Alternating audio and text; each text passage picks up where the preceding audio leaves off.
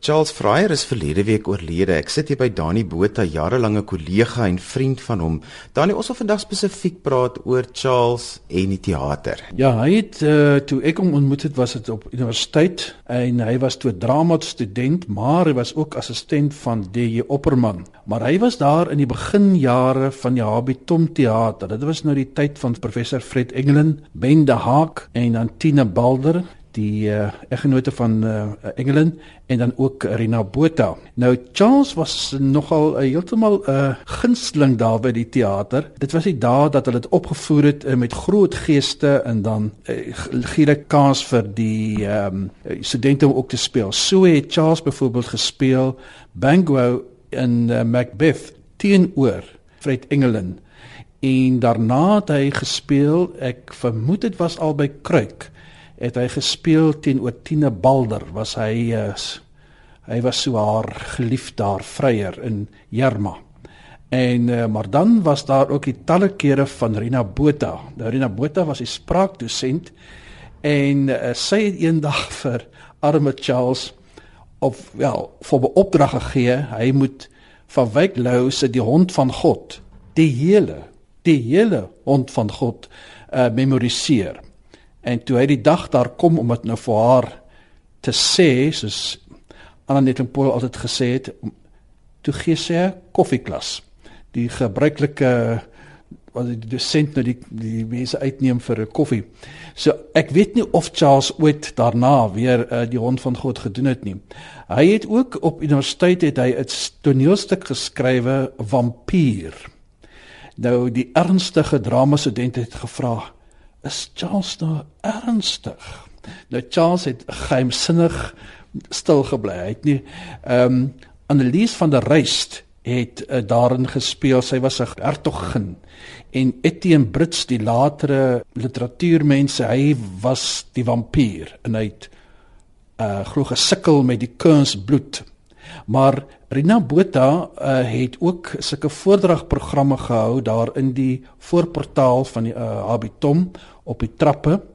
En daar het byvoorbeeld Annelies van der Ruyst, nou die latere matrone van Sewende Laan, het daar in die ou kamp se die hartseer was gedoen. Charles weer het so doodnugter ingestap gekom en hy het by so 'n lesenaar gestaan en hy het Leipold se 'n handvol gruis uit die handtam gesê en het dit so oortuigend gedoen en so menslik net gepraat want dit is tog ook in werklikheid sy uh, jeugwêreld is uh, die Handam Calvinia se wêreld. Dit was dan in, uh, in sy universiteitsjare en dan was hy nou lank 'n uh, paneellid van die Fleur de Cap uh, toneel beoordelaars van wie sy skoolondervinding hy het skool gehou was hy toe dadelik toe ons begin spesialiseer het in verskillende komitees by die Fleur die Kap was hy toe dadelik by wat ons genoem het die die kinderafdeling. Dit is nou waar ons beoordeel die studente en daar het Charles 'n waardevolle bydrae gelewer. En dan natuurlik nou sy groot bydrae in die vir die teater was nou die skep van sy passiespel. So moes die liefde lê wat verskeie kere in die in die 90er jare opgevoer is onder andere ook in die uh, Kangelgrotte En 'n uh, mens het kort kort gehoor hoe daardie passiespel mense geraak het. Nie alleen die gehoor nie, maar die speler self het ook vreeslik onder die indruk uh, van die uh stuk gekom.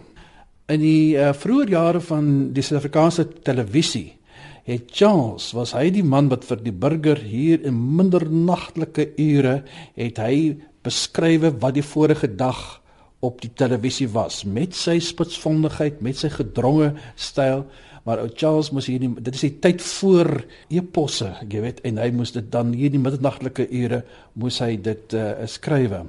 Danie een van Charles se bekendste gedigte is Dood van 'n akteur.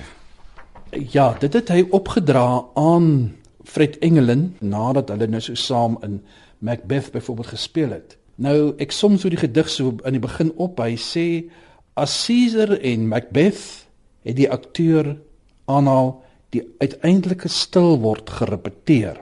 Dan gaan die gedig aan, maar toe hy niks vermoedend soos bepaal vertolking as vertoning moes herhaal, vind hy gestroop van kleed en kleur. Die mens moet sterf as amateur.